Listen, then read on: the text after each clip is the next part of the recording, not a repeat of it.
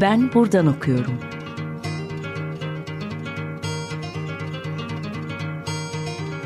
Edebiyat ve başka şeyler.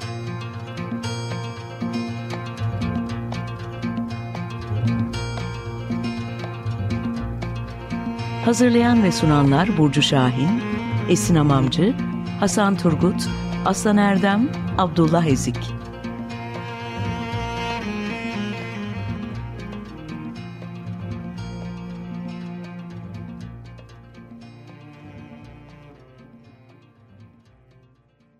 Merhaba, 95.0 Açık Radyo'da Ben Buradan Okuyorum programındasınız. Ben Burcu.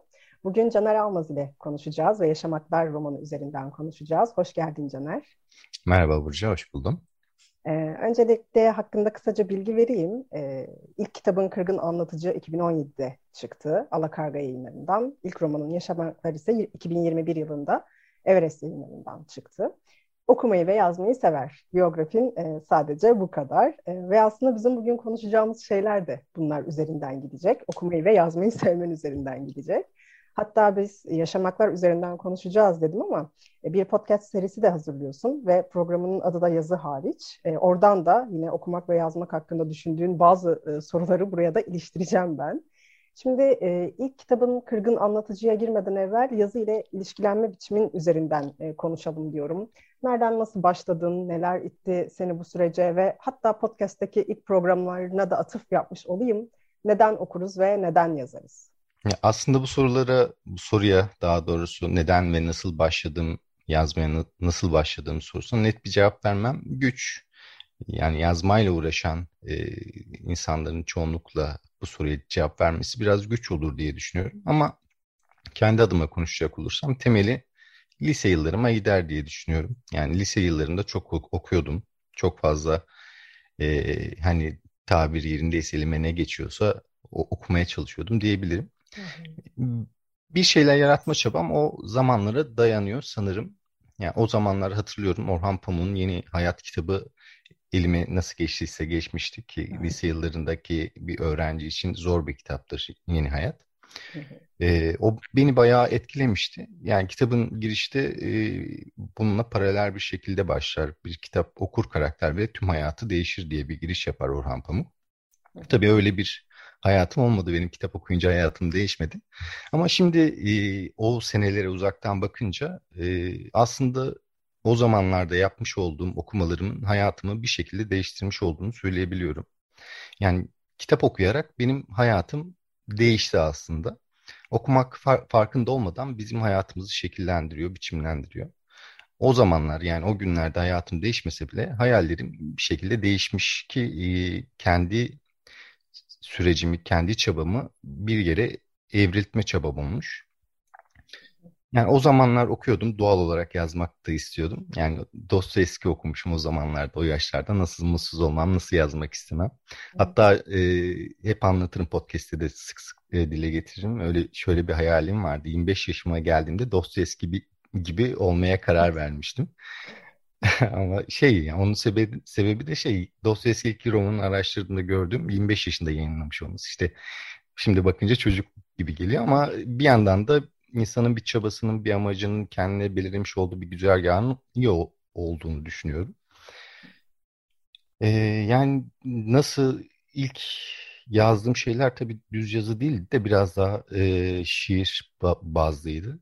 Yani daha kolay görünüyordu sanırım şiir yazmak ama yazmaya çalıştıkça zor olduğunu insan fark ediyor. Yapamadığımı keşfetmem zor olmadı şiir yazmayı. Bence şiir yazmak bu arada roman yazmaktan daha zor. Bunu da araya kaynatmış olayım. Böyle şiir olmayınca düz yazıya geçtim diyebilirim. Ama e, o yaşlarda insan ne yazdığını, nasıl yazacağını tabii doğal olarak bilmiyor. Kendisini henüz geliştirememiş, o yolda nasıl adımlar atması gerektiğini keşfedememiş oluyor. İşte okuduklarım neyse, okuduğum yazarlar kimlerse onlar gibi onların yazdığı şekillerde yazma çabam vardı. Ama tabii onlar iyi metinler değil hatta rezalet şeylerdi. Umarım bir gün gün yüzüne çıkmaz o şeyler. Ama uz e, tabii uzun bir yolculuk bu. Kendini bu yolculuk içinde fark etmek, yapmak ve yazmak istediğinin farkında olmak başlı başına ayrı bir süreç. Ve e, ayrı olduğu kadar da sancılı bir süreç. Yani e, ülkemizin yahut dünyanın büyük yazarlarının kendini keşfetmeleri, üretme çabalarının ne kadar zor olduğunu onlar zaten e, yazmış olduklarında ayrıca dile getiriyorlar. E, neden okur ve neden yazarı sorularına cevaplarım ise ki bu sorular üzerine sıklıkla düşünürüm ve her düşündüğümde de farklı cevaplar keşfettiğimi görüyorum. Bu aralar şöyle düşünüyorum bu konulara dair. E, biz galiba görmek için okuyoruz. Göstermek için de yazıyoruz. Yani bir şeyleri görmek için okuyoruz ve okudukça görüyoruz. Bir şeyleri göstermek için de yazıyoruz. Bu aralar böyle düşünüyorum. Okumanın sonu öngörülemeyen bir serüven olduğu kan kanaatindeyim. Bir keşif, sürekli daha iyisini arama ve görme çabasında olduğumuz bir arayış yolculuğu olduğunu düşünüyorum. Evet. Bazen şöyle düşünüyorum, okumanın insanlığın keşfetmiş olduğu en kıymetli şey, bazen de etkisinde olduğumuzu hissetmediğimiz bir hastalık gibi olduğu geçiyor içimden. Yani nasıl olursa olsun, nasıl hissettirse hissettirsin, ömrüm boyunca da vazgeçemeyeceğim bir eylem, bir alışkanlık. Yazmakta yani kendi açım arasın e, kendi açımdan söylemek gerekirse daha iyisini gösterme çabası bu aralar. Okuduklarımızdan etkilendiğimiz her şeyden bir şekilde faydalanarak yani başkalarına bu etkilenişlerimizin sebebini gösterme çabası. En azından ben bu aralar böyle düşünüp böyle hareket ediyorum. Nasıl daha iyi gösterebilirimin çabasındayım. Ve bu da okumak gibi benim e, vazgeçemeyeceğim eylemlerden birisi. Evet, bu çaba kelimesi önemli. Ee, sanıyorum çünkü hatırladığım kadarıyla podcastlerde de e, geçen bir kelime senin hayatın içinde önemliymiş gibi geliyor bana. Hatta yaşamakları ben yaşamak çabası olarak bile kodlamış olabilirim zihnimde. Yani e, şimdi e, kırgın anlatıcıya e, bir bakalım istiyorum. Dokuz hikayeden oluşuyor ama tabii burada hikayeler üzerine tek tek konuşamayacağız. Ama senin e, kitabın çıktıktan sonra e, bir röper, röportajda, söyleşide dikkatimi çeken bir ifaden var. E, şöyle bir şey söylüyorsun. E, bize ulaşmayan daha nice acı var. E, biraz değiştirerek söylüyorum ben burayı. E, faillerin kendilerini sorgulamalarını isterdim e, diyorsun. Mesela geceleri nasıl rahat uyuyorlar? E, öldürmek, yok etmek, gömmek hiç yokmuş gibi devam edebilmek nasıl bir duygu acaba? Günün sonunda bu insanlar topla, toprağın altında gömülü e, ama yaşıyorlar e, diyorsun. Gene senin e, bir ifadeni alacağım. E, bu ikisini bağlayıp bir soru soracağım sonra sana. Hikaye anlatmaya ve dinlemeye bir bağımlılığımız var da diyorsun. Şimdi bu bağımlılık ve acılar arasında bir bağlantı e, kuruyor benim zihnim. E, sen bunun üzerine bir şeyler söylemek ister misin? Çünkü benim anladığım bir yandan bunca kötülükle mücadele etmenin bir yolu olarak yazı var. Yani anlamak ve yaşamak içinde. Belki daha önceki cevaplarından biri bu olabilir. Hani e, az önce verdiğin cevaba ek olarak. Bir yandan da zaten kendiliğinden bizde var olan bir şey bu hikaye anlatmak ve dinlemek eylemi gibi. Ne dersin? Ee, Kırgın Anlatıcı'yı ben yazdığımda yazdığım öyküler 2013 ve 2016 yılları arasında yazılmıştı. Yani o dönemki ülkenin içerisinde bulunduğu e, siyasi ve toplumsal hareketlilik hepimizin hatırladığı şeyler aslında. Gezi yaşanmıştı. Hayatımız pek çok açıdan, pek çok şekilde, pek çok e, noktada farklılaşmaya başlamıştı ki bu farklılaşmanın e, iz düşümleri bugün günümüz toplumunda maalesef gözlemlenebiliyor. E, yani bu fail mevzusuna dair biz duyduklarımızı, gördüklerimizi ve yaşadıklarımızı, onları üzerine okuduklarımızı biliyoruz doğal olarak insanın yaşamına da yaptıklarına da ve doğal olarak yazdıklarına da bu e, hayatında gördükleri, duydukları, yaşadıkları ve okudukları sızıyor. Bu kaçınılmaz bir şey. Bence bu kaçınılmaz bir şey. O dönemi düşündüğümde içinde yaşadığım toplumun e, gerçeklerini bir şekilde metin, metinlerime sızdığını, sızmakta olduğunu yani her ne kadar e, bunu kullanmak istemeseniz bile, bunu kullanmak için özel bir çaba sarf etmeseniz bile metninizin içerisine sızdığını fark etmeniz zor olmuyor. Söyleşiden almış olduğum kesim e, cumartesi hamleleriyle alakalı yazmış olduğum bir öyküye vermiş, öyküye dair sorulmuş bir soruya e, vermiş olduğum cevaptandı. Evet. Ki e, Kırgın Anlatıcı'nın öykülerinin çoğu e, siyasi tabanlı öyküler değil ama ucundan kenarından e, direkt göndermeleri olan metinler de e, kullandım ki kullanmam gerektiğini hissediyordum. Ben bu toplumun içerisinde yaşıyorsam, bu toplumun bana yaşattıklarına maruz kılıyorsam bir şekilde yapmaya çalıştığım şeyleri de toplumun yaşattıkları sızıyor. Bu hikaye anlatma ve dinlemeye bağımlılığımız var konusu da da şöyle düşünüyorum. Yani hepimiz bir şekilde e, hikaye yaratıyoruz. Bazen bunun farkında bile olmuyoruz. Yani şey e, sosyal medya uygulamalarındaki hikayelerden bahsetmiyorum. Demek istediğim şey günlük konuşma ve iletişim dilimimiz e, aslında hikayeleştirme üzerine şekilleniyor. Birisine bir şeyleri anlatırken, başımızdan geçen bir şeylerden bahsederken bu dili kullandığımızın farkında bile olmuyoruz genellikle. Aslında en iyi yaptığım şeylerden birisi anlatmak ve dinlemek. Gerçi anlatmak ve dinle, dinlemek konularında insanlar bazen ketim olabiliyor ama seviyoruz anlatmayı ve dinlemeyi. Günlük e, hayatımızın içerisine anlatmak ve dinlemek, hikaye anlatma ve dinleme bu kadar yer kaplarken hayatımızda bizi etkileyen şeylerin yaptığımız işlere de sızması çok doğal geliyor bana. Bir de geleceğe bir şey bırakacaksak bu hikayede olsa, roman da olsa yahut sanatın herhangi bir dalından bir eser e, üzerine çalışıyor olsanız da ülkenin gerçeklerinden beslenmesi gerektiğini biraz önce de söylediğim gibi gerekli diye düşünüyorum. Buna yaşanılan e, kişisel yahut toplumsal acılar da dahil, sevinçler ve mutluluklar da dahil olmalı diye düşünüyorum. Evet, yaşamaklarda da aslında buralara biraz e, gireceğiz, konuşacağız. Ama şimdi oraya geçmeden evvel çok klasik bir sorunun cevabını merak ediyorum ben. Bugünden baktığında çoğu yazar gibi o, o ilk kitabını reddedenler arasında mısın? Ya da bu reddetmek ne anlama geliyor? Belki birkaç bir şey söylersin bununla ilgili. Yani reddediş demeyelim de daha iyisini yapabilirmişim diyen bir ses diyelim ona.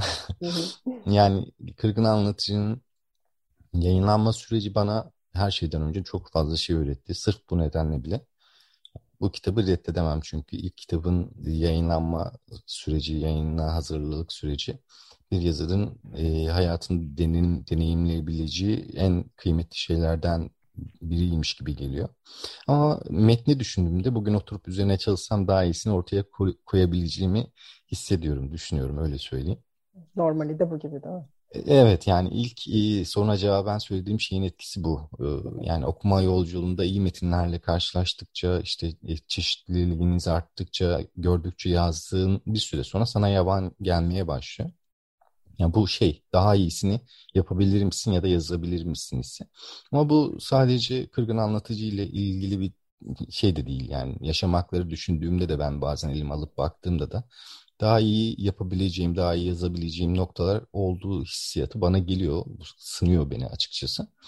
Yani sanırım çoğu yazarın ilk eserlerine karşı hissettiği bir durum bu bahsettiğimiz konu ve doğal olarak ve ya bu doğal bir süreç ve ben sağlıklı da bir şey olduğunu düşünüyorum. Yani metnimizi sorguluyorsak, kendi yazdığımızı sorguluyorsak hala daha iyisini yapma ve yazma çabasındayız demek. Arıyoruz ve çabalıyoruz demek yani bence. Evet. Doğal. Yine Yine o çaba kelimesini alıyorum oradan. ee, ve bir e, şarkı arası verelim. E, ne seçtin bize, ne çalalım? Ee, sen bu soruyu sorduğumda aklıma gelen e, şey benim ya- yaşamaklara dair e, yazım süresinde dinlediğim şarkılardan oluşturmuş listeden bir şarkı seçmekti. Aha. Yazarken ve okurken dinlediklerim içerisinden bir şarkı seçtim. E, Cihan Mürtezaoğlu'nun Bizim Bu Delilik isimli şarkısını bizi dinleyenleri dinletmek isterim. Merhaba tekrar. Caner Almaz ile Ben Buradan Okuyorum'a devam ediyoruz.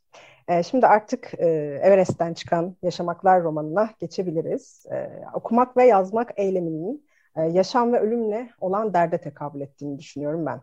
Ki e, romanın epigrafı da bizi oraya doğru fırlatıyor. E, kırgın anlatıcıdan da gelen bir tavır bu bence e, acıların bir şekilde bir yerinden e, tutmaya çalışıyorsun. Misal bunu e, Kerbela'dan alıp kaybedilenlere dek getiriyorsun ya da e, şeyde Kırgın Anlatıcı'da olduğu gibi Cumartesi annelerine de e, getiriyorsun. Kitabın özetine de çok girmeden bir şeyler söylemeye çalışacağım. Bir aşk hikayesi gibi başlayan ancak herkesin böyle kendi yalnızlığını derinleştirdiği bir e, romana dönüşüyor. Ve e, daima da böyle e, acıların hiç geçmediğinin altı çiziliyor. Rüyalarında uçamayan Kenan var ve ona bağlanıyor diğer bütün hayatlarda. E, Füsun'un Kenan'la tanıştığı günü bambaşka yaşaması, Halil'in ve Birgül'ün de aynı manzaranın içinde aslında başka başka hayatlar yaşamaları, e, en nihayetinde Birgül'ün rüyasız bir uykuya dalışı ile de bitiyor zaten kitap. Yani aslında biz e, bir günün e, günlüğünü e, karıştırmış oluyoruz. E, yani tartışılacak çok fazla meselesi var e, romanın. E, benim dikkatimi çeken bireysel e, acıların bir şekilde e, toplumsal olana bağlandığı noktalar oldu çünkü romanın dili de tam bu noktalarda değişiyor gibi geldi bana. Romanın tamamını kapsamasa da politik bir tavır olarak görüyorum bunu ve çok kıymetli de buluyorum ben. Hafıza ve geçmiş üzerine düşünmek aslında bireysel acılarımızı daha anlamlı bir hale mi getiriyor gibi bir soruya dönüştürebilirim belki. Yoksa zaten bireysel acı dediğimiz ne ki de diyebilir miyiz? Yani söylediğim gibi aslında birey olarak toplumsal olandan ister istemez etkileniyoruz. Hepimiz birazcık dönüp düşündüğümüzde bunu kendimizde yahut etrafımızdaki insanlarda gözlemleyebiliriz. Yani toplum toplumsal olaylar, siyasi vakalar bizim yaşantımızı ister istemez etkiliyor. Biraz önce de söyledik bunu. Bu sadece günümüzde de alakalı değil. Geçmişimizde de böyle. Geçmişimizde tanıdığımız insanlarda da bunu görebiliyoruz. En yakınımızda anne babalarımız gündelik yaşamlarından, toplumdan, siyasi olaylardan etkilendik. Bunu anlatmasalar bile daha sonralardan bir şekilde önümüze çıkan vakalarda görebiliyoruz. Yani o zaman yaşadıkları e, yaşamlarını şekillendiriyordu. Aldıkları kararları, yaptıkları şeyleri yahut yapamadıkları şey, şeyleri şekillendiriyordu. Ve onların aldıkları kararlar, yaşadıkları ya da yaşayamadıkları dediğim gibi bizim yaşamlarımızı da ucundan kenarından da olsa etkiledi.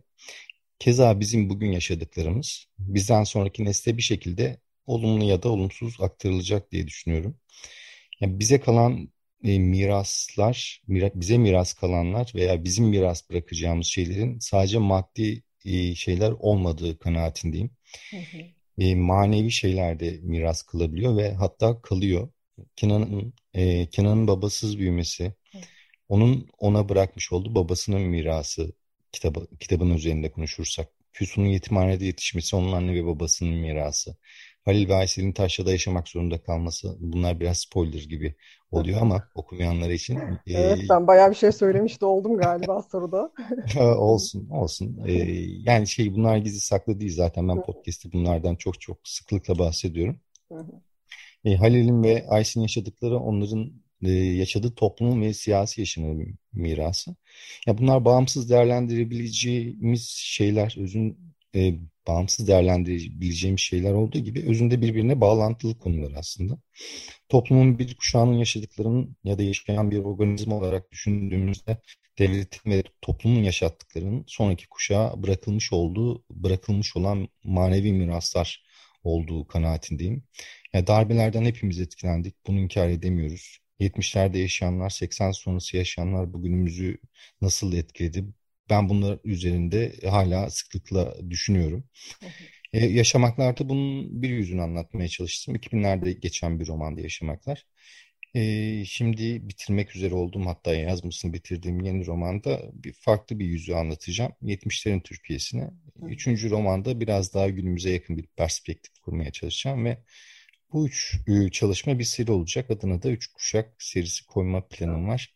Aynen. Böyle bir çabadayım. Yani e, 70'lerde ilk gençlikleri yaşayanların sonraki nesle bıraktıklarını anlatmaya ve göstermeye çalışıyorum yaşamaklarda. Şimdi yazdığım kitap bu mirasın sebeplerine biraz odaklanıyor. İşte 70'lerdeki siyasi hareketliliğin insan hayatını nasıl bir şekil şemal verdiği üzerine biraz araştırma ve çokça çalışma yaptım. Sonraki kitapta da biraz işte biraz önce bahsettiğim gibi günümüze yakın gezi ve sonrasındaki sürece dair insanların, toplumun bireylerinin yaşadıklarını anlatmaya çalışacağım. Yani ben bunun içerisinde çalışırken çok fazla çalışıyorum, çok fazla öğreniyorum. Umarım bu çalışma ve çaba karşılığında okuyanlar ve okuyacak olanlar da böyle bir izlenim, böyle bir çaba arayışı görmüş olacaklardı. Yine çabayı kullandım. Bu ama galiba anahtar bir kelime hayatımda evet. diye düşünüyorum. Evet. Evet, eklemek istediğin var mı şey? Yok, buradayım. tamam, Burada tamam. O zaman, o zaman e, son bir soru e, iliştireyim. Bu da e, yazı hariç e, podcast serüveni hakkında olsun. E, bir yazar için konuşmak, e, yazmanın yetmediği yerde mi devreye giriyor gibi bir soru e, oluştu kafamda. Yoksa çağın bir getirisi mi sadece? Hadi bunu da bir kullanalım yolu diye. Yani yazarak ulaşılmayana ulaşma yolu gibi geliyor bir yandan böyle çok kıymetli anlamlar yüklemek istiyorum. E, çünkü e, konuşurken de düşünüyoruz ya bir yandan düşünmeye de götürüyor. Daha önce düşünmediğimiz şeyleri konuşarak da keşfedebiliyoruz. E, bir de nereden baksak mesleğin hakkında konuşmuş oluyorsun. E, ya aslında e, özel bir niyeti yoktu. İkinci romanı yazmayı planlarken bir günlük tutma niyetim vardı bu biten romanı e, yazarken. İlkinde de çünkü çok fazla şey düşündüm ama şu an ulaşmak istediğimde ulaşamıyorum. Çünkü hiçbir yazılı ya sözcük kaynağım yok elimin altında. Sonra da neden bunu bir podcast'e çevirmeyeyim, birileri dinlemesin, arkadaşlarımı da çağırayım, konuk etmedim, e, e, konuk edeyim, onlarla beraber konuşayım, tartışayım, gülelim, eğlenelim, onların düşüncelerini diye düşündüm. Yani nasıl yaparım diye düşünürken de işte biraz araştırınca Türkiye Gazeteciler Sendikası'nın düzenlemiş olduğu bir eğitim olduğunu gördüm ve oraya katıldım birkaç aylık e, bir eğitim aldım onlardan. E, böylelikle işte adını yazar koydum Orhan Pamuk'un Kara Kitap kitabından bir e, gönderme. Yani, yani yazarak ulaşamadığım insanlara ulaştığım oluyor mu? Evet oluyor ama bir şekilde içerikler yazma ve okuma deneyimleri üzerine ilerliyorum. Yani pek çok insan da bu bunları dinledikten sonra dönüş yapıyor. Etrafında yavaş yavaş bir topluluk oluştuğunun farkındayım. Bu bu beni mutlu ediyor. Yani sadece podcast dinleyip bana ulaşan insanlar da çok fazla oluyor. Ya dediğim gibi bu biraz hazırlık çaba gerektiren bir iş. Sizler de bunun farkındasınız çünkü güzel bir iş ortaya koyuyorsunuz bu yayınla. Yani, yani ben bunu hazırlarken çok fazla şey öğreniyorum. Çünkü çok hazırlık yaparken çok fazla araştırma yapmam gerekiyor. Yani hoşuma da gidiyor bu. Çünkü niyetim bir roman bitince bunu bırakmaydı. Yani evet. kitap bittikten sonra e, sezonu tamamlamakta ama sanırım devam edeceğim. Belki ileride başka bir formata dönüştürebilirim. Yani bilmiyorum şimdilik. Yani zaman ne gösterir, nasıl hareket ederim, ne düşündüm. Şimdilik erken. Ama keyif alıyorum yani inşallah dinleyenler de keyif alıyordur. Bence ben güzel ben dinliyorum, takip ediyorum e, ve şey e, o araştırıyorum, öğreniyorum kısmı yine çok e, cezbedici geliyor bana. Hem e, bir yandan yaptığın iş üzerine sürekli düşünüyor olma hali bence oldukça e, kıymetli. Maksat biraz da buydu yani evet. sadece odaklandığım yazmak üzerine çalışırken onun dışına çıkmayayım çünkü çok kolay maksattan sapabiliyorum. Odağım çok kolay dağılabiliyor benim. O yüzden onun içerisinde tutabilecek ek bir çaba gerekiyordu. Bu da iyi oldu benim için. Caner çok teşekkür ediyorum. Ee, ben teşekkür ederim Burcu. Soruların ve e, misafirseverliğin için. Yeni romanını da merakla bekliyorum. Evet, umarım e, hayal kırıklığına uğratmaz. Tereddütlerim var bakalım. Sevgili Açık Radyo dinleyicileri, ben buradan okuyorum programında. Bugün Caner Almaz ile konuştuk. Bir sonraki programda görüşmek üzere. Hoşçakalın.